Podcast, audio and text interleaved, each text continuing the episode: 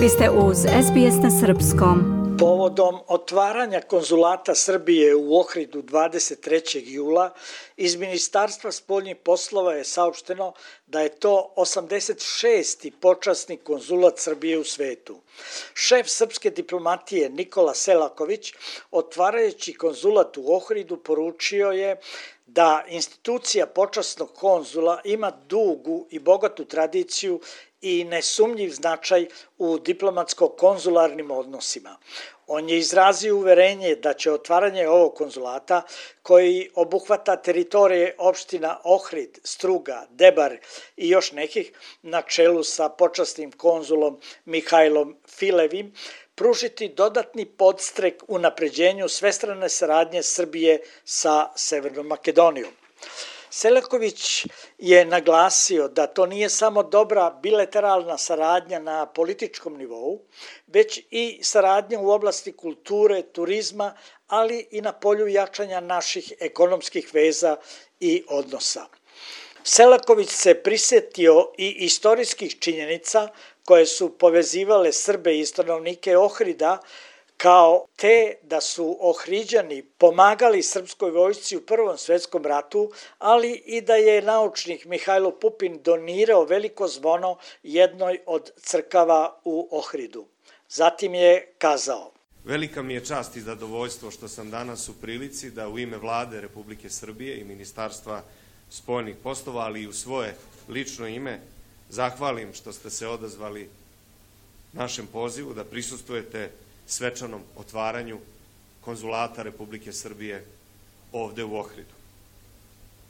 Imala je Srbija svoje konzulate u neko davno vreme u Skoplju, imala je u Bitolju, imala je jednog Branislava Nušića kao konzula u ovim krajevima, ali ovo je naš prvi konzulat u Ohridu.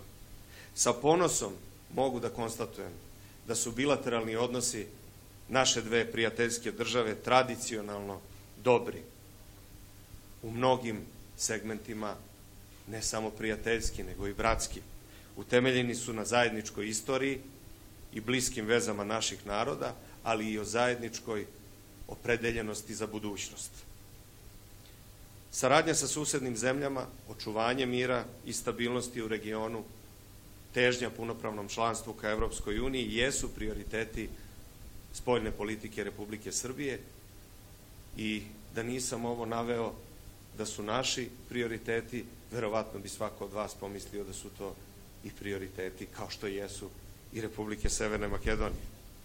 Zajednička želja za saradnjom i jačanjem mostova koji nas povezuju ogleda se između ostalog i u istorijskoj inicijativi Otvoreni Balkan, gde su tri države, Srbija, Severna Makedonija i Albanija učinila je ozbiljan i konkretan iskorak u pravcu intenziviranja ekonomske saradnje i poboljšanja kvaliteta života svih svojih građana.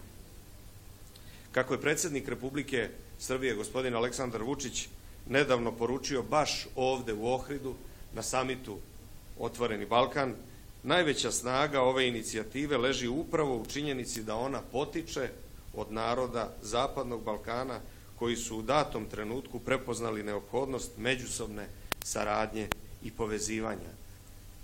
Dame i gospodo, institucija počasnih konzula u Republici Srbiji ima dugu i bogatu tradiciju i nesumnjiv značaj u diplomatsko-konzularnim odnosima. Podsjetit ću vas da Republika Srbija danas dobija svoj 86. počasni konzulat u inostranstvu. Ministarka kulture Severne Makedonije Bisera Kostadinovska, koja se obratila u ime vlade i Ministarstva inostranih poslova Severne Makedonije, pozdravila je otvaranje konzulata i istakla da je to još jedna potvrda unapređenja odnosa dve zemlje. Kazala je da dve zemlje odlično sarađuju na polju kulture i najavila da će uskoro biti potpisan novi sporazum o kulturnoj saradnji. Počasni konzul Mihajlo Filev rekao je da je otvaranje konzulata podvig koji će dovesti do napređenja odnosa dva bratska naroda, kao i da će njegova najveća odgovornost biti rad na tome. Gradonačelnik opštine Ohrid, Kiril Pecakov, istakao je da je važno što je otvoren počasti konzulat jedne prijateljske zemlje i podsjetio da ta opština već ima uspostavljene prijateljske odnose sa Kragujevcom i Indijom. Svečanom otvaranju konzulata Srbije u Ohridu prisustvovali su predstavnici vlade Severne Makedonije, predstavnici Srba u toj zemlji, diplomatskog kora i ugledni predstavnici kulturne i poslovne zajednice. Iz Beograda za SBS radio Hranislav Nikolić. Želite da čujete još priča poput ove? Slušajte nas na Apple Podcast, Google Podcast, Spotify ili odakle god slušate podcast.